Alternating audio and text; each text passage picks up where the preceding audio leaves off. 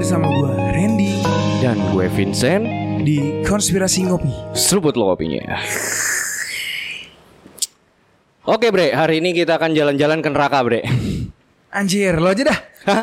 Eh, gue juga gak mau sih anjing Nggak Cuman kita ngikutin salah satu tokoh yang terkenal pada zaman ketika itu di Itali namanya Dante Alighieri Hmm. gitu. Jadi ceritanya dia ini lagi jalan-jalan ke neraka. Nah ini sebenarnya ngelanjutin episode yang sebelumnya kita ngebahas tentang Seven Deadly Sins. Iya, iya, iya. Karena ada hubungannya banget dengan Seven Deadly Sins nih. Dengan tujuh dewa penjaga neraka lah ya. Yes, benar-benar. Dan lu sebenarnya pernah dengar gak sih tentang Dante Inferno ini, Bre? Sebelumnya? To be fair honest, gue belum pernah dengar. Belum pernah dengar. Gue belum pernah Oke. dengar. Tapi menarik sih ketika lo ingin menggambarkan simulasi ke neraka. Simulasi, simulasi. Simulasi, kan? Soalnya si Dante Alighieri ini ternyata seorang penyair, Bre. Hmm. Nah, dia nulisin tentang kejadian dia berjalan di neraka ya, walaupun fiksi ya. Yeah. Tapi detail banget gitu loh. Berarti dia seperti William Shakespeare ya? Ya, bisa dibilang kayak gitu. Penulisannya ya. Iya, iya. Penulisannya tuh detail kayak gitu dan penggambarannya tuh theater of mind-nya tuh jalan gitu. Wow. Iya, iya. Jadi sebenarnya bisa dibilang dikatakan ini sebenarnya novel juga sih. Sorry. Cukup menarik. Apakah si Dante Inferno ini pernah bercerita dia memiliki pengalaman spiritual atau apa? Atau uh, this is just only his imagination No, no, no. aja? This is fiction. Pure fiction. Oh, pure fiction. Pure Jadi fiction. berdasarkan imajinasinya dia ya? Yes, benar. Yang di mana kan waktu itu ini kan karya sastra pada abad 14 ya, Hmm, yang di mana waktu itu memang hmm, banyak penulis-penulis juga Hmm. saling membuat suatu karya imajinatif gitu, Wow. yang juga sebenarnya ini sebagai blueprint dari karya-karya setelahnya Oh. di ma- di masa depan pastinya. Ada banyak karya. Ada banyak yang dihasilkan dan terinspirasi dari Divine Comedy ini sendiri. Contohnya Jadi, apa tuh? Lu tahu nggak filmnya Dan Brown, Apa tuh judulnya? Angels and Demons? Angels and Demons Iya, yang Tom Hanks. Iya, itu yang filmnya. Versi novelnya kan ditulis sama Dan Brown. Hmm. Nah, Dan Brown itu novelnya itu ada salah satu novelnya judulnya Inferno juga. Wah, Dan itu cover depannya itu mukanya gambar mukanya si Dante Alighieri ini. wah berarti ini bukan kaleng-kaleng dong Bukan ya? kaleng-kaleng. Dan juga banyak banget deh yang karya-karya sastra, karya musik, bahkan lukisan itu lahir dari terinspirasi karena ceritanya si Dante Alighieri ini. Termasuk gitu. lukisannya Leonardo da Vinci jangan-jangan. Nggak tahu deh kalau itu ada hubungannya atau Oh, enggak, gua oke, nggak tahu. oke. Hmm, game itu ada kalau kalian tahu teman-teman ngopi ya, Devil May Cry. Devil May Cry. Iya, Devil May Cry itu kan tokoh utamanya namanya Dante. Ceritanya Anjir. ceritanya dia melakukan suatu quest untuk menuruni sembilan lingkaran neraka. Sorry. Sama ceritanya. Dante ini siapa yang golok hantu pemain Chelsea ya? Nggak tahu deh. Nggak tahu Kayaknya ya? omnya sih. Omnya, Omnya kayaknya. ya? Iya, omnya kayaknya gitu. Oke, oke. Dan ini pastinya bukan kaleng-kaleng dan menarik banget Menarik karena banget nih ya. Iya, karena bahkan pun gua punya lagi satu lagu yang terinspirasi dari cerita-cerita yang kayak gini-gini. Gitu. Apa Dan judulnya itu? em, judulnya itu Gehinom. Gehinom. Gehinom, yang di mana itu dalam bahasa Ibrani artinya jahanam. Wow. Ya, jadi sebenarnya banyak banget karya-karya sastra, karya musik, karya seni di dunia ini yang sangat terinspirasi dari sini gitu. Oke, ini buat temen ngopi berarti bre Hmm? Wajib banget kencangkan sabuk pengaman anda Karena kita akan membawa kalian simulasi ke neraka Yes, neraka. Anjing Five, two, one Close the fucking door And go to hell. Pertajam analisa lo Perkuat dengan Cocok cocok slogi. Oke,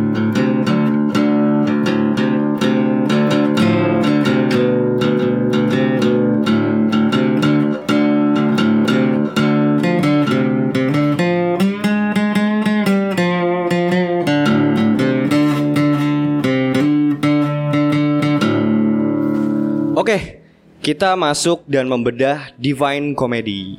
Yang di mana sebenarnya ini adalah part 1 dari Divine Comedy ini Divine Comedy ini adalah karya sastra yang ditulis oleh Dante Alighieri Seorang penulis dan penyair Itali pada abad ke-14 Dan dianggap sebagai salah satu karya sastra terbesar di dunia Karya sastra ini menginspirasi berbagai karya dan seni yang bermunculan setelahnya Baik dari sastra dan literatur seperti karyanya yang tadi gue bilang Dan Brown, judul novelnya tuh Inferno. Terus juga ini menginspirasi banyak dunia teater dan perfilman seperti filmnya Tom Hanks yang Angels and Demons.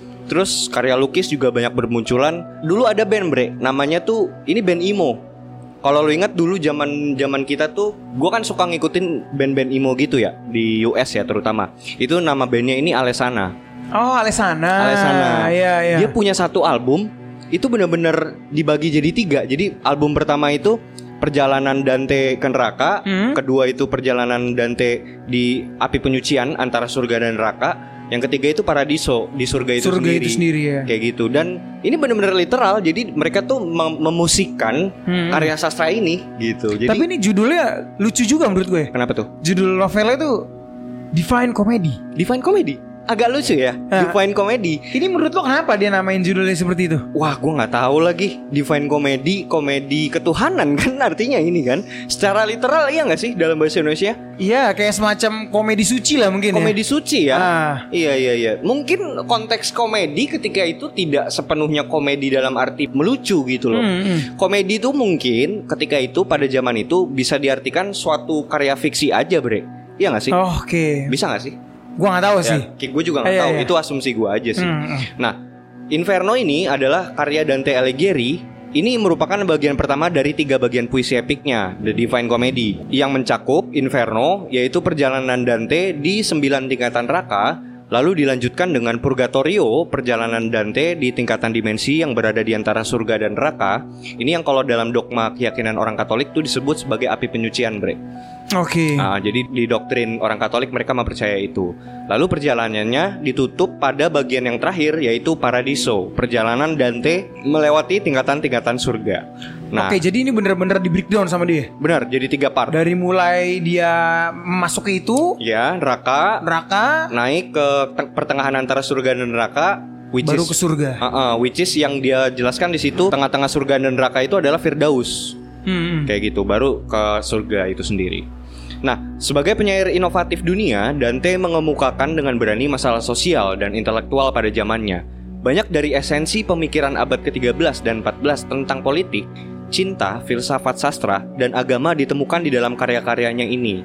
Orisinalitas Dante terletak dalam usaha memadukan pendapat umum dan pengalamannya sendiri, serta dalam mengekspresikan dilema intelektual Eropa pada tahun 1300-an. Karya sastra ini lebih kepada kritik sosial juga, Bre. Hmm, I see, I see. Kritik sosial terhadap apa yang terjadi ketika itu di Italia, gitu loh.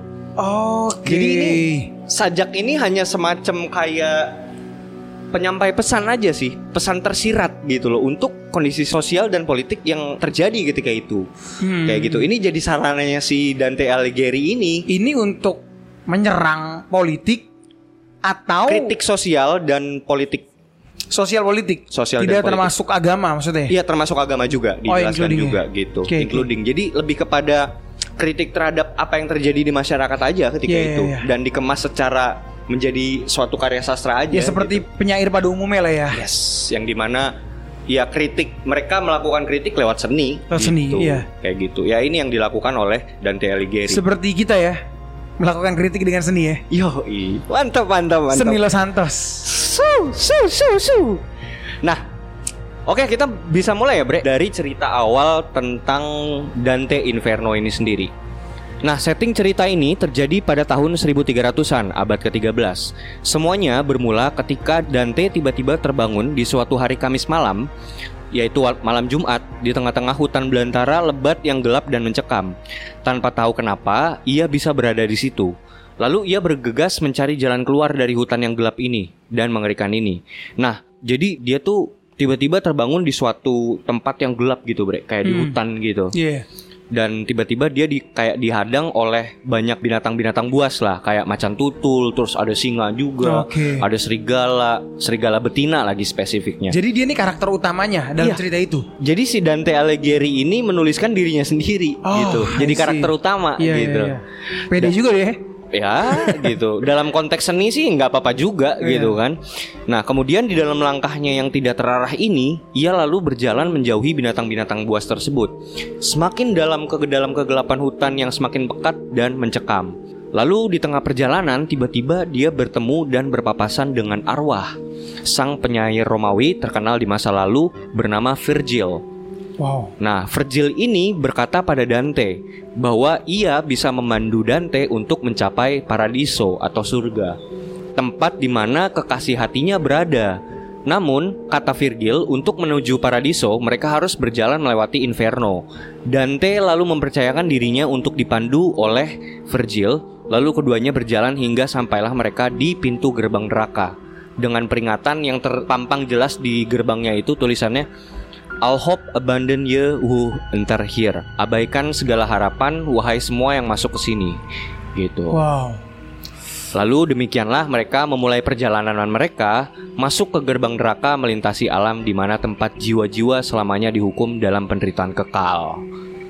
Nah sebenarnya Bre, gue mau nambahin sedikit ya di sebelum gue lanjutin. Ini sebenarnya perjalanan Dante ini melewati sembilan lingkaran neraka. Dia ini di sini dipandu oleh seorang penyair terkenal tadi, namanya Virgil. Nah cerita ini sebenarnya berpusat pada keinginan terdalam Dante untuk bertemu kembali dengan sang kekasih hatinya, Hmm. cinta sejatinya yang telah meninggal, soulmate-nya lah, namanya Beatrice. Nah Beatrice ini sebenarnya letaknya berada di surga, Iya. kayak gitu. Tapi untuk mencapai itu dia harus melewati beberapa tahap lah. Bener. Dan pintu pertamanya itu ada tulisan itu ya. Ah, I'll hope ye abandon who enter. Tahu nggak lu bre? Ini sebenarnya gue tuh kayaknya ya, ini asumsi gue ya. Kayaknya si Dante Alighieri nih terinspirasi sama literatur kitab Henok. Oh. Iya kenapa nggak? gitu? Iya, soalnya di kitab Henok sendiri memang dijelaskan Henok kan dibawa oleh salah satu malaikat surgawi untuk melakukan tur ke neraka, Yes. ke tempat api penyucian dan ke surga juga. Yes. Jadi paling tidak sebenarnya Dante Alighieri pun terinspirasi, bre. Oke.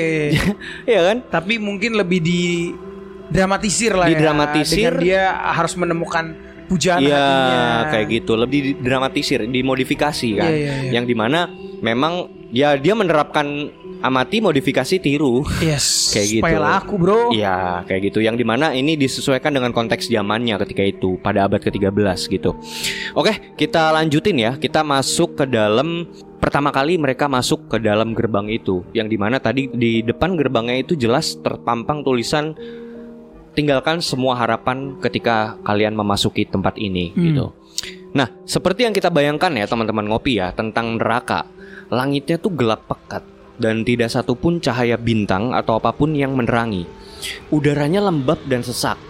Di sekeliling mereka banyak terdengar suara jeritan, isak tangis, duka, dan penyesalan. Ini suatu kumpulan miliaran orang de- dengan beragam suara, mulai dari tua sampai yang muda, wanita maupun laki-laki semuanya berteriak menjerit, menangis, takut dan kesakitan. Wow. Gila ngeri banget. ya. Menyeramkan banget sih itu. Iya. Dan itu itu baru baru datang gitu. Hmm, hmm. Lu udah dikasih denger suara-suara kayak gitu, Bre. Lu bayangin suara-suara orang teriak-teriak. Wah, anjing sih itu. Ngeri Itu banget sih. kalau Gen Z Ah tidak, mentalku rusak. Iya, Waduh. gila loh. Kalau Gen Z udah pasti bunuh diri tuh, Bro. Iya, Tapi udah mati ya? Eh, udah mati gitu. Udah kan. bunuh diri berarti ya? Iya.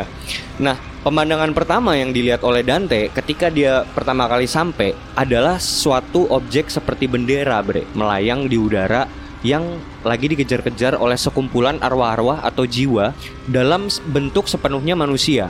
Bendera bendera apa nih? Nggak tahu, bendera aja. Bendera Israel. Nggak- Waduh. Bendera Palestina bukan? Waduh. Ini, Bre, geng merah, Pasat, banteng. pasat, pasat. Ya kan Solid. merah. Merah kan? Merah di neraka kan gitu kan.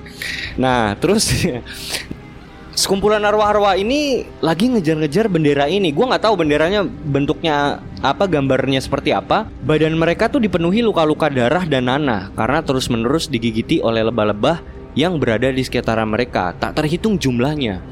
Nah, jiwa-jiwa malang ini dihukum untuk berlari-lari mengejar bendera itu tanpa berhenti untuk selama-lamanya. Wow. Tanah tempat mereka berpijak sudah dipenuhi berbagai jenis kotoran, peluh, darah, dan daging busuk yang dihinggapi oleh ulat dan belatung. Melihat itu, Dante merasa jijik dan sedih melihat jiwa-jiwa malang itu, dan ia pun bergegas meninggalkan tempat itu bersama Virgil. Nah, untuk melanjutkan perjalanan seterusnya, keduanya harus melintasi suatu sungai yang disebut Akheron. Sesampainya mereka di tepi sungai, Dante melihat kumpulan jiwa-jiwa yang sedang mengantri, bre. Dan tak terhitung jumlahnya, sedang menunggu Karen, the ferryman of the dead, yaitu seorang pendayung perahu yang akan mengantarkan jiwa-jiwa untuk sampai di other side atau Hmm. apa sisi lain dari sungai tersebut gitu Jadi naik perahu gitu ya? naik perahu. Karen setuju untuk mengantarkan Dante dan Virgil melewati sungai ini menggunakan perahunya. Nah, di sini sangat jelas, Bre. Dante Alighieri sebagai penulis sangat terpengaruh referensi dari mitologi Yunani. Sungai Acheron yang mengalir di Underworld dan Karen the Ferryman of the Dead ini secara literal dicomot langsung dari mitologi budaya Yunani mengenai konsep kehidupan setelah kematian. Ini sama persis. Oke. Kayak pemahaman orang Yunani tentang kematian itu Ini sendiri. digambarkan gak kapalnya itu apakah kapal Titanic atau kapal apa gitu nggak? kapal perahu perahu perahu kayak Kecil, gitu kecil kecil gitu. kecil Boat. perahu Oh, oke. bot kayak gitu Oh, the berarti ferryman antriannya lebih panjang daripada antri sembako tuh bro. Iya kan? setuju lah Anjrit, mau mati aja. iya Ngantri, mau mati bos. aja ngantri lu bayangin gitu loh. Bre. dan ini sebenarnya memang gambaran yang umum ya yang memang banyak karya-karya sastra dan karya-karya seni di zaman modern ini bahkan Iya. banyak dikutip juga dan ini kalau lu inget di dalam film Thor, film Marvel itu juga kan mereka harus melewati suatu sungai atau lautan gitu. Antri tapi juga deh. pakai bot itu, pakai perahu itu, Iya. kayak gitu. Jadi ini memang gambaran yang umum gitu di banyak karya-karya sastra sekarang kayak Iya. gitu. Tapi dia bisa ini gak sih apa nyewa calo untuk antrinya bre. Oh, antrian. iya. Yang terjadi di Samsat Samsat Los Santos. Harusnya gitu ya. Iya Bisa ya. ya? Harusnya kita bikin calo bre di situ bre. di situ iya. ya. Jadi nyalo ini ngantri nih ya Iya. kan. Iya, jadi mereka bisa nyantai duduk Si kan. nyantai itu sebat. Iya sebat. kan? Jadi nungguin the ferryman itu muncul ya Gila, kan. mau dihukum aja ngantri bangsat. Ya tapi begitulah. Kita masuk ke dalam first circle of hell atau lingkaran pertama, tingkatan pertama dari neraka ini sendiri yang di mana disebut sebagai limbo. Virgil menjelaskan kepada Dante bahwa ini adalah lingkaran neraka pertama yang dikenal sebagai limbo. Jiwa-jiwa yang tinggal di sini sepenuhnya bukan orang-orang jahat dalam hal dosa yang dilakukan, tetapi mereka tidak memiliki iman yang diperlukan dan kebanyakan dari mereka menolak kebenaran. Mereka mungkin tidak berdosa, tetapi mereka masih tetap dihukum dengan kutukan abadi dan penolakan masuk surga. Nah, di dalam limbo ini ada sebuah benteng besar yang menampung banyak orang-orang terkenal, Bre, di zaman itu. Hmm. Seperti filsuf besar seperti Plato, Socrates, Aristoteles, Julius Caesar, dan masih banyak lagi. Sebelum menjadi pemandu Dante, tempat ini juga merupakan rumah bagi si Virgil. Hmm. Dan kemudian Dante juga bertemu dengan banyak penyair besar ketika itu Seperti Homer, Ovid, dan Horace Ada juga banyak musisi hebat Yunani tinggal di situ Jadi ini sebenarnya kayak suatu alam yang sebenarnya tidak ada penyiksaan di situ Iya. Bre Cuman lebih kepada tempat orang-orang yang tidak mengakui kebenaran secara hakiki aja sih Tempat singgahnya mereka lah. ya? Tempat singgah gitu sih Ini gue sekilas tadi baca Sambo loh. Hah? Masa? Iya ternyata limbo ya. Oh gitu Iya. Bukannya dia di tingkatan paling bawah ya? Nah itu makanya. Nah, iya kan, Ini tingkatan. harusnya- Jadi iya. sebelum lu masuk neraka lo ketemu Sambo dulu gitu. Iya, malah dia di paling bawah harusnya. Iya. Lebih di bawah itu. Heeh. Gua nggak setuju sih kalau dia di sini. gue yang nggak setuju bre soalnya. Gue ya? nggak setuju. Sambolado kan. Sambolado. Sambolado Los Santos kan? Iya, iya, iya, oke. Oke, Bre. Nah, jadi selanjutnya beranjaklah si Dante dan Virgil menuju ke lingkaran tingkatan neraka kedua. Silakan, Bre, dilanjutkan. Ini second circle of hell ya. Yes. Las. Oh, Wah, Las. Las tadi tempatnya siapa tuh? Asmodeus. Asmodeus. Oh, berarti ini tempat kekuasaannya Asmodeus nih. Asmodeus nih. Oke. Nah, akhirnya mereka berangkat. Mereka Hmm. ini si Dante dan Virgil. sama Virgil ya. Ya. Dan melanjutkan perjalanan ke lingkaran neraka yang kedua. Itu tingkatan las. Oke. Walaupun lingkaran pertama neraka merupakan tempat di mana jiwa-jiwa dihukum, tetapi mereka yang tinggal di sana masih memiliki kebebasan. Hmm. Wah, seperti penjara. iya bener ya penjara ya Iya. bener ya bener bener bener bener kayak penjara gitu Lingkaran kedua dan seterusnya adalah tempat hukuman yang sebenarnya dimulai. Wah, Hmm. ini baru menegangkan nih teman-teman nih. yes Di depan tempat Dante dan Virgil berdiri ada terdapat Minos, hmm. seekor ular raksasa yang menyambut jiwa-jiwa ketika mereka memasuki lingkaran kedua. hmm. Nah, Minos dalam mitologi Yunani itu dikenal sebagai putra dari Zeus Hmm. dan raja pertama Pulau Kreta Yunani. Hmm. Dialah yang menjadi hakim bagi orang-orang mati di dunia bawah. Hmm. Dalam interpretasi Dante, dia memiliki wujud yang jauh lebih mengerikan. wow Minos akan menyelidiki kejahatan orang-orang yang lahir sebelum dia dan memberi mereka hukuman yang menurutnya pantas. oke Dia akan melingkarkan ekornya pada jiwa-jiwa ini beberapa kali dan angka itu akan menentukan lingkaran mana mereka dihukum. Hmm. Lingkaran neraka kedua ditujukan bagi mereka yang telah jatuh pada dosa nafsu Hmm. dan banyak dari mereka adalah raja, ratu, dan penguasa seperti Cleopatra, Helen dari Troy dan Achilles. Oke. Dante memandang nafsu sebagai dosa yang saling memanjakan. Dan karena itu Dante melihatnya sebagai dosa yang paling keji. Oke. Hukuman di lingkaran tingkatan neraka ini juga yang paling ringan di dalam neraka itu sendiri. Wow, paling ringan, Bre. Paling ringan. Anjir. Mungkin masih bisa main PS5 kali ya. Iya, iya, iya, oke, oke.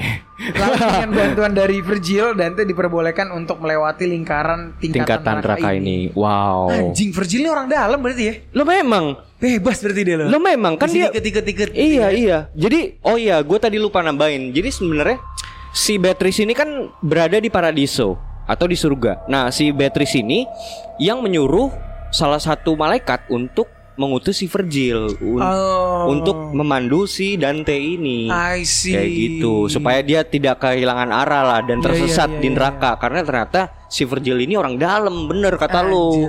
Iye. Ya kan tadi bener kan dia tinggalnya di tingkatan paling atas kan. Benar benar benar. Berarti nepotisme juga berlaku di neraka ya. berlaku berlaku. Lu Brengsek siapa lu? Lu uh, turunan siapa? Lu punya dekingan siapa? Lucifer bukan gitu. Jadi kalau lu bukan siapa siapa lu cere-cere juga kodok-kodok juga lu di di situ ya kan? Bang kayak si Virgil ya. nafsu ya? Di sini nafsu. Oke kita lanjut ke tingkatan ketiga. Third circle of hell. Glutoni atau kerakusan Nah, ini juga ternyata dibedakan kerakusan dan keserakahan itu juga dibedakan. Bre. Beda, iya. Iya. Nah, di sini mereka lalu memasuki lingkaran tingkat ketiga neraka yaitu kerakusan dan ketamakan. Di sini ada hujan es yang tidak pernah berhenti sebagai hukuman atas nafsu makan dan kerakusan mereka yang tak pernah terpuaskan. Orang-orang rakus dibiarkan berkubang dan menggeliat-geliat di kubangan lumpur yang keji dan membusuk seperti cacing. Tak satu pun dari mereka mampu berdiri atau bahkan merangkak. Yang menjaga mereka adalah Cerberus, anjing berkepala tiga yang berpatroli di lumpur kotor ini. Cerberus terus-menerus menguliti dan menganiaya orang-orang rakus dengan cakarnya merobek badan dan jiwanya hingga mereka tak berdaya. Dante dan Virgil bertemu dengan beberapa roh yang telah menderita dalam lingkaran ini selama beberapa waktu dan jiwa-jiwa malang ini tidak lagi memiliki tubuh yang utuh dan kebanyakan mereka sudah tidak lagi memiliki bentuk.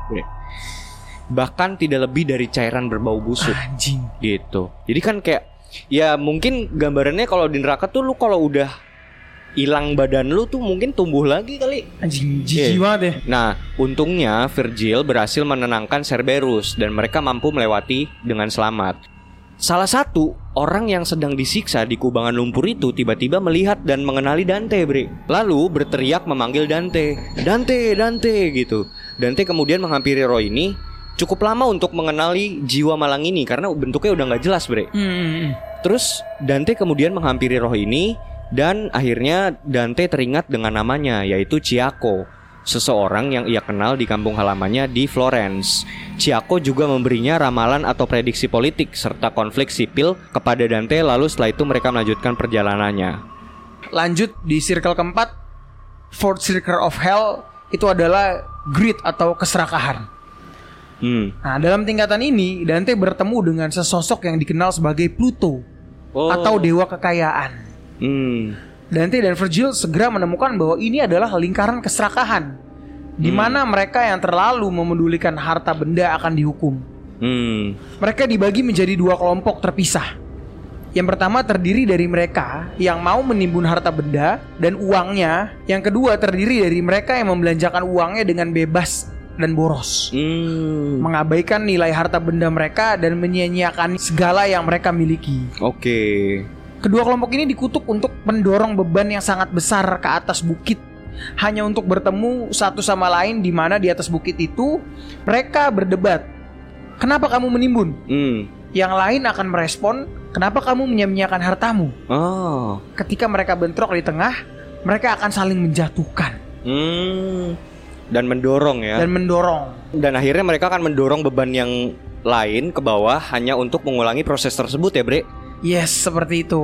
Terus saya gitu-gitu terus Iya. kayak gitu ya lagi dan lagi ya Nah, Oke. para penimbun dan pemboros ditampung bersama di lingkaran tingkat ini sebagai hukuman selamanya. Hmm. Berdebat dan mendorong beban tersebut. Oke. Dante melihat ini sebagai gambaran yang cukup akurat tentang masyarakat ini, Bre. Saat ini ya. Iya, Oke. jadi kayak mereka, wah udah dah saling bentroknya terus menerus dah. Iya iya iya. Jadi mereka tuh ada dua kelompok. Yang satu ngedo eh, dua-duanya saling mendorong suatu batu atau beban yang besar gitu ya. Naik ke sebuah bukit. Nah itu kan berat banget gitu ya. Benar. yang satu pemboros yang satu penimbun. Di atas bukit mereka akan bertengkar nih lu kenapa lu gini gini kenapa gini gini akhirnya mereka saling mendorong terjatuhlah beban itu dorong lagi gitu Ya, aja satu mendorong terus ke bawah, satu mendorong ke atas. bisa, bisa. Oh, anjing. Dan ini kata si Dante sendiri ini adalah gambaran masyarakat saat ini gitu. Setuju lagi gua. Setuju ya? Setuju gua. Hmm. Karena at the end of the day masyarakat saat ini gue bisa bilang ya, 80% of our human beings Ya, greedy, Bro. greedy, menimbun dan boros. Yes. ada yang menimbun, ada yang boros. Akhirnya yang tengah-tengah nih yang kasihan nggak dapat apa-apa. Bener. Kayak gitu. Iya sih, bener. Dan itu merupakan circle keempat, tingkatan keempat neraka. Neraka. Oke, akhirnya Dante dan Virgil melanjutkan perjalanan mereka sampai di fifth circle of hell, yaitu wrath atau kemarahan. Nah, saat mereka berjalan nih, Bre, turun lebih dalam, akhirnya mereka mencapai yang namanya Sungai Styx. Sungai Styx ini juga dikenal, Bre, di Yunani itu ada, kenal namanya Sungai Styx. Nah, Sungai Styx ini sendiri adalah bagian dari lingkaran kelima, murka neraka. Sungai ini sebenarnya lebih mirip kayak rawa-rawa sih, yang isinya jiwa-jiwa yang suka berargumen, berdebat, dan berkelahi satu sama lain. Ini tuh sebenarnya kayak tempat pertarungan, battlefield gitu. Tempat pertarungan antara jiwa-jiwa yang egois dan ingin menang sendiri. Kayak gitu, Bre. Dante dan Virgil melihat di tepi sungai ada ferryman yang namanya Flyligus. Dia tiba dan setelah perselisihan singkat dengan Virgil, dia setuju untuk membawa keduanya menyeberang ke sisi yang lain. Saat mereka melakukan perjalanan melintasi rawa, sesosok jiwa melompat untuk mengambil perahu itu. Wah anjir. Iya, Pengen dibajak tuh. iya jadi kayak ditarik gitu si perahu itu. Jiwa itu bernama Filippo Argenti, saingan politik Dante di Florence. Ini ada maksud tersendiri Iya, nih. iya, iya, ada iya. udang di balik batu nih Dante nih, ya kan? Ada udang di balik bakwan nih. Iya, kayak gitu. Ya, keduanya saling memaki dengan kata-kata yang kasar dan ironisnya di sini Dante malah ingin Filippo menderita lebih banyak hukuman dibanding ini katanya. Oh, IC dibanding tingkatan kelima ini. Iya, Dan, dia bilang kayak lo harusnya nggak di sini anjing. Iya, iya, iya, iya, soalnya sumpah serapah, Bre. Kedua-duanya tuh kayak saling bertengkar dan adu mulut gitu loh. Ironisnya lagi, kelakuan Dante di sini tidak jauh berbeda dengan jiwa-jiwa yang bersemayam di lingkaran ini. Anjir. Jadi pada dasarnya Dante mau bilang ini loh dosa gua. Iya gak sih? Iya kan? Iya, iya, iya. Iya, Tapi ya. karena dia punya orang dalam lewat lah. Iya, nggak maksudnya dalam konteks sebagai seorang penulis. Iya. Dia mau mengakui bahwa sebenarnya dosa terbesar gue itulah wrath, kemarahan itu sendiri. Di mana dia suka sumpah serapah lah ke orang segala macam kayak gitu. Yang di mana sebenarnya ini efektif ya. Di mana dia kan seorang penyair. Makanya kan dibilang di sini juga ada unsur politiknya, agamanya gitu. Ya di sini ada lawan politiknya gitu kan. Di sisi lain dia juga mau menyerang lawan politiknya, politiknya. ini gitu. Dan pesannya tuh sampai banget. Pesannya sampai banget. Gua nggak tahu sih lawan politiknya kalau baca ini gimana reaksinya, responsnya gitu kan. ya. Udah meninggal belum sih pada saat itu? Nah, gue juga nggak tahu tuh. Tapi kalau misalnya posisinya booming itu karya sastra dan orang itu masih hidup baca ini gimana, Bre? Iya kan? Hmm, kalau lo jadi dia, kalau lo jadi lawan politik ya, Lawan politiknya. Kalau gua berkuasa, gua akan memenjarakan si Dante. kalau lo berkuasa. Iya, sebagai perlakuan subversif Oke. atas orang yang berkuasa. Tindakan yang tidak menyenangkan ya. Iya. Emang ada, itu kan cuma Los Santos, Bro. Iya, kayaknya. Pasal goib. Iya, iya juga ya. Oke, lanjut bre di circle ke-6. Wah, ini circle ke-6 nih. Hmm. 666. Yoi. Six Circle of Hell. Oke. The City of This. Oh. Nah, ini hersi atau bidaat. Hmm. Penghujatan ya. Penghujatan. Dosa penghujatan. Sesampainya di sisi lain dari Sungai Styx, Dante bertemu Farinata degli Uberti, Oh. seorang pemimpin militer dan bangsawan yang melakukan dosa bidah, Oh. penolakan terhadap norma agama atau norma politik, mencoba memenangkan tahta Italia dan dihukum secara anumerta karena ajaran sesat pada tahun 1283. Wow, spesifik banget. Dante juga bertemu Epicurus, Oh. Paus Anastasius II dan Kaisar Frederick II. Hah? Paus? Wow, Wah, ada paus di situ. anjir. Tapi Tapi bisa nggak tahu, tapi berani banget ya si Dante ya waktu itu. Dante emang bener-bener ya. Enggak, emang dia tuh pengen kritik, Bre. Hmm. Gue rasa ini memang suatu karya sastra yang memang dia gunakan untuk mengkritik rezim ketika itu. Benar nggak sih? Hmm. Ya kan di pada Iya, abad iya, ke-13 iya. ketika itu. Seperti gitu. Munir mungkin dia. Bisa, bisa seperti One Fals juga. Iwan gitu. Fals ya. Lalu dari kejauhan Dante memperhatikan ada sebuah menara api Hmm. yang dikelilingi peperangan yang membara. Hmm. Virgil menjelaskan bahwa mereka mendekati kota Dis ya, Hmm. pusat dari bagian bawah lingkaran neraka di mana bersemayam para jiwa-jiwa bidat. Hmm. Ketika mereka tiba, mereka dihadang oleh fallen angel Oke. atau Malaikat, malaikat, jatuh. jatuh. Oh. Ia menjaga pintu masuk gerbang kota Dis. Mereka akan memberikan izin masuk kepada Virgil hanya dengan satu syarat bahwa dia tidak akan pernah kembali ke lingkarannya sendiri. Hmm. Pada titik inilah Dante mulai khawatir bahwa dia tidak akan pernah bisa meninggalkan tempat terkutuk ini. Hmm. Virgil pun akhirnya setuju untuk masuk sendirian dan membukakan gerbang dari dalam untuk Dante. Oh. Tetapi dalam tugas ini dia pun tidak berhasil dan kembali ke Dante, Oke. tetapi dia bersumpah kepada Dante bahwa dia tidak akan meninggalkan Dante sendirian lagi. Meski kedua penyair itu ketakutan, Virgil bersikeras bahwa perjalanan mereka harus dilanjutkan agar bisa mencapai Paradiso. Di sini untuk pertama kalinya Dante mulai ragu dengan Virgil sang pembimbingnya. Hmm. Setelah melihat Virgil gagal, juga terlihat jelas bahwa dia tidak memiliki rencana nyata dan segala sesuatunya bisa menjadi lebih buruk. Oke, oke, oke, oke. Tiba-tiba muncullah sesosok monster Medusa Wow. yang marah dengan kekuatan mengubah orang menjadi batu. Wow, Medusa, tahu gua. Medusa, Iya, iya. iya. Ini di mitologi Yunani ada nih. Ada tuh yang Rambutnya ular. Yes. Virgil memperingatkan Dante tentang tatapan Medusa dan menutup matanya untuk memastikan dia tidak melihat tatapan mata Medusa dan tidak berubah menjadi batu. Lalu terjebak di neraka selamanya di sungai Styx yang kelam. Hmm. Tiba-tiba muncul sosok terang yang dikenali Virgil dan sosok terang itu menyuruh Dante untuk membungkuk dan diam tenang. Ketika sosok malaikat itu mendekat, menjadi jelaslah dari mana sosok itu dikirim, yaitu dari surga. Wow. Dan segera Medusa dan monster-monster segera lari ketakutan dan malaikat terang itu pun menegur fallen angel yang menjaga gerbang untuk membukakan pintu gerbang untuk Dante dan Virgil. Hmm. Maka kedua penyair itu masuk kota Dis atau City of Dieter. Oke. Nah, malaikat itu siapa? Nggak tahu, nggak dijelaskan sih. Michael. Oh ya? Menurut gua. Menurut lo ya? Iya. Oke, oke. Iya, siapa lagi malaikat yang kekuatannya melebihi fallen angels, Bro? ya walaupun si Dante tidak menuliskan itu ya, siapa itu ya, tapi Hmm. yang paling cocok sih kandidatnya si Malik Michael. Michael. Michael. Aku lanjut. Di kota Dis, Dante dan Virgil menemukan sekelompok jiwa-jiwa bidah yang dikurung di dalam peti mati yang terbakar sebagai hukuman bagi jiwa-jiwa yang lebih menghargai kesenangan di atas segalanya. Hmm. Nah, makanya untuk teman-teman ngopi yang mencintai Kesenangan. kesenangan dunia seperti nonton porno, menghujat orang, tobat. Atau Anda akan dihukum di dalam peti mati. Iya, iya, iya. Dibakar. iya. Dibakar hidup-hidup. Hidup-hidup. Waduh. Lanjut ya. Sebelum meninggalkan wilayah ini, para penyair merasakan bau paling busuk yang tidak bisa dibayangkan sebelumnya. Idi. Daerah yang lebih rendah berbau sangat busuk sehingga mereka harus berhenti dan beristirahat sebentar. Sementara Virgil menggunakan waktu ini untuk menjelaskan apa yang akan mereka temui selanjutnya. Wow, wow. Ngeri banget ya. Ini ini tuh baru circle ke-6 nih, Bre. Iya, udah circle yang tinggi lah, Bre. Iya, iya. Termasuk dan itu mengerikan banget sih. Udah mengerikan banget gitu loh. Men- ketemu segala macam monster-monster dari mitologi Yunani lagi gila. Gokil, gokil, Mengerikan, gokil. brother. Oke. Akhirnya setelah istirahat nih mereka nih si Dante sama Virgil kan istirahat tuh. Kayaknya ngopi dulu kayaknya dia, Bre. ngopi sama ngerokok dulu dia.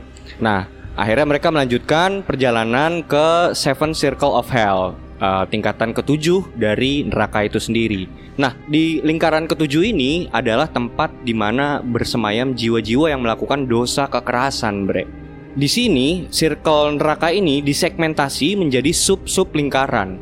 Ada tiga di antaranya lingkaran luar, lingkaran tengah, dan dalam yang menampung berbagai jenis jiwa-jiwa yang melakukan kekerasan yang direndam di sungai darah yang mendidih.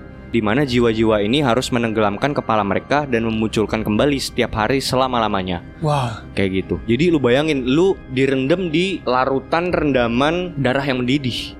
Anjing. Mungkin itu darah-darah korban-korban lo ya yang yang melakukan kekerasan Uh. gitu. Iya. Dan mereka yang melakukan pembunuhan akan terendam seluruhnya. Sedangkan seseorang yang melakukan penyerangan hanya dapat terendam sebagian. Tiga lingkaran ini adalah lingkaran yang lebih kecil, yaitu bagian luar yang pertama menampung orang-orang yang melakukan tindakan kekerasan terhadap orang lain dan harta benda mereka. Bagian tengah atau yang kedua di situ ditemukan orang-orang yang melakukan tindakan kekerasan terhadap dirinya sendiri, seperti bunuh diri. Wow. Dan terakhir, di sini adalah tempat bagi orang-orang penghujat yang melakukan tindakan kekerasan terhadap Tuhan dan alam. Semakin mereka masuk, semakin dalam, Dante dan Virgil harus melewati lorong sempit bebatuan yang terpecah-pecah.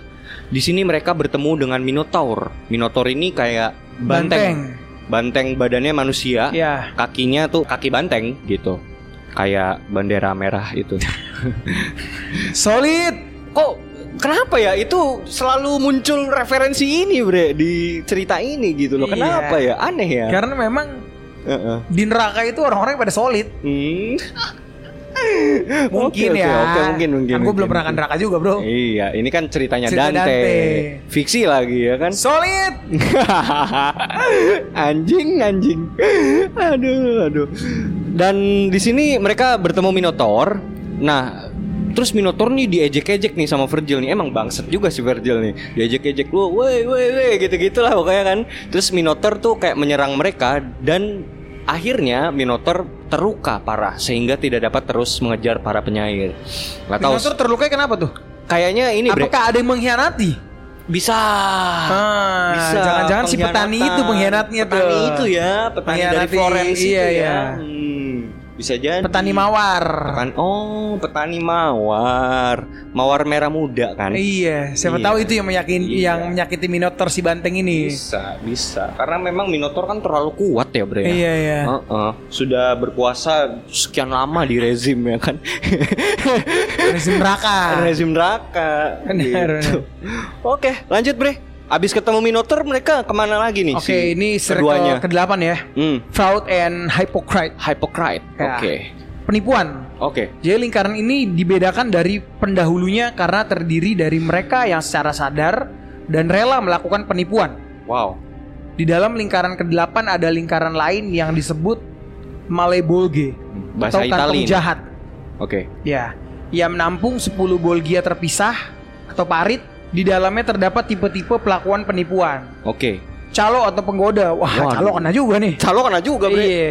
Penyanjung, Simoniacs. simoniaks, mereka yang menjual agama dan dogma preferensi doktrin gerejawi, Wow. dukun atau astrolog atau nabi palsu, Hmm. politisi korup, Hmm. orang-orang munafik, pencuri, konselor, penasihat palsu, skismatis, mereka yang memisahkan agama untuk membentuk agama baru anjing Lia Eden, pembuat sumpah palsu, peniru identitas dan lain-lain. oh. Setiap bolgia dijaga oleh iblis yang berbeda-beda dan penduduknya menderita hukuman yang berbeda-beda.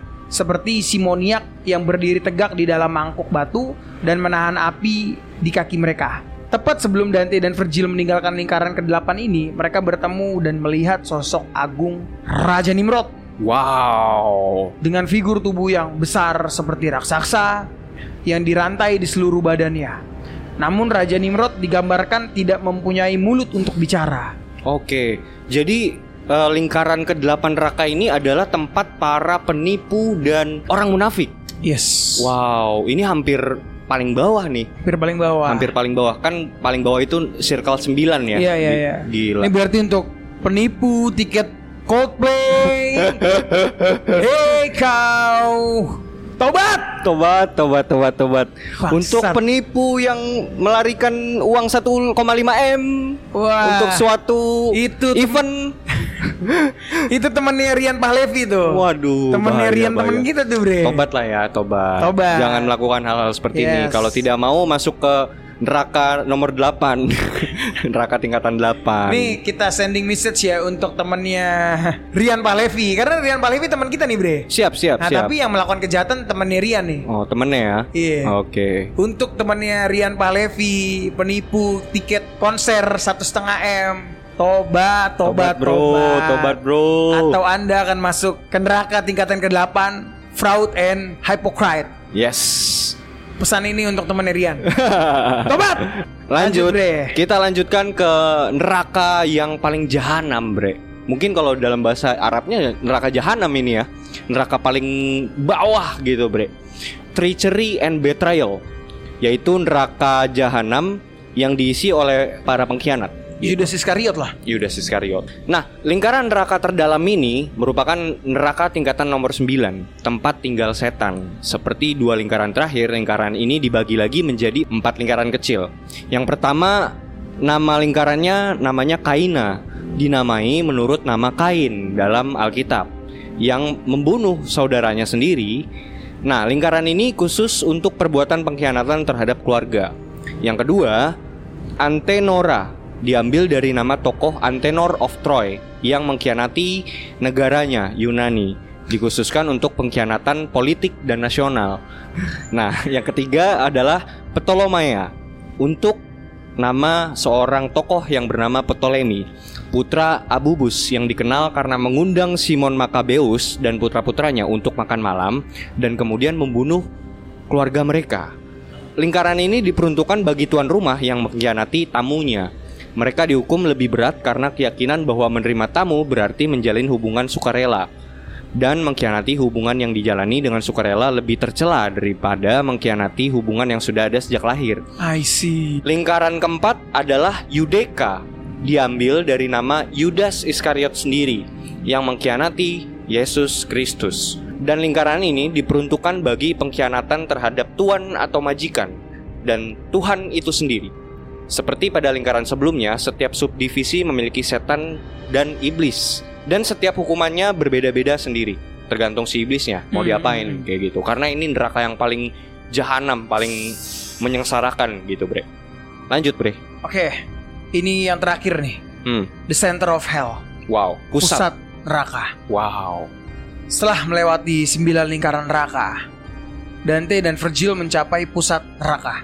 Hmm. Di sini mereka bertemu setan Hmm. yang Atau- digambarkan sebagai figur berkepala tiga. Setan atau Lucifer itu sendiri ya. Ya, Wow. setiap mulut sibuk memakan orang tertentu. Hmm. Mulut kiri memakan Brutus, mulut kanan memakan Cassius, dan mulut tengah memakan Yudas Iskariot. Wow. Brutus dan Cassius mengkhianati dan menyebabkan pembunuhan Julius Caesar. Wow. Sedangkan Yudas melakukan hal yang sama terhadap Kristus. Hmm. Mereka ini adalah orang-orang yang paling berdosa menurut Dante karena mereka secara sadar melakukan tindakan pengkhianatan terhadap masing-masing tuan atau master mereka yang ditunjuk oleh Tuhan. Wow, mengerikan banget ya. Ini benar-benar mengerikan banget, Bre. Penggambarannya. Dan ternyata memang tingkatan neraka yang paling bawah itu memang dihuni oleh setan atau Lucifer sendiri. Tapi yang digambarkan sama si Dante ini neraka paling bawah itu bukan tempat yang banyak apinya dan Iya, iya, kayak iya, iya. membara-membara enggak, Bre. Tempatnya ini dingin dan penuh salju. Yes. Dengan pemahaman gini, Dante menuliskan begini karena tempat itu kan merupakan tempat yang paling jauh dari cahayanya Tuhan Oke, karena Ji- dia paling dalam ya. paling dalam. Jadi ya tempatnya frozen gitu, membeku gitu. Jadi semua jiwa-jiwa yang bersemayam di situ beku gitu, Bre. Hmm. Mm-mm. Iya kan di situ kan ada setan yang digambarkan berkepala tiga. Ya, Terus setiap Ya, mulut itu itu, se- kayak si- memakan itu. si Satan itu, si Lucifer itu Eh, iya, dia- lagi makan Oh, lagi tokoh-tokoh ini. memakan tokoh-tokoh itu ya. Heeh, kayak gitu digambarkan sama si Dante ini. Dan lucunya setelah mereka sudah melewati ini semua, akhirnya tahu nggak jalan menuju ke tahap selanjutnya kan dikatakan purgatorio ya, Bre. Hmm. Nah, Purgatorio ini nggak tahu nih kapan kita akan coba kita tag lagi. Kalau teman-teman suka, silakan kalian komentar di bawah. Lanjut komen. Iya, Iya. komentar aja. Apakah kita harus melanjutkan ini ke part selanjutnya? Iya. Gitu kan? Apakah kita harus memasukkan ini ke VIP? Ya, boleh Supaya silakan. kita bertambah kaya? Yes, memperkaya diri sendiri seperti Iya. Mamon ya kan. Oke, nah tapi lucunya bre, si Dante dan Virgil ini tau nggak lewat mana? Virgil bilang gini, bro, lu lihat deh itu, tepat di daerah genitalnya si Satan atau Lucifer ini itu tuh adalah pusat dari dunia kata. Anjing. Lah si Dante bingung kan? Ah gimana sih? Iya. Kok bisa bisanya? Enggak bener itu adalah pintu masuk menuju purgatorio tempat api penyucian. Bangsat. Dante itu yang kayak konyol lu anjing ma masa sih? Nggak mungkin lah gitu kan? Udah coba dulu aja katanya. Akhirnya si Dante dan Virgil ini memanjatlah tubuhnya Lucifer atau Satan ini memanjatlah gitu kan tepat ke arah genitalnya bre ke penisnya itu akhirnya masuklah si Dante Virgil itu ke dalam genitalnya si Satan itu sendiri Tahu nggak lo? Tahu nggak lo keluarnya di mana? Mereka tiba-tiba.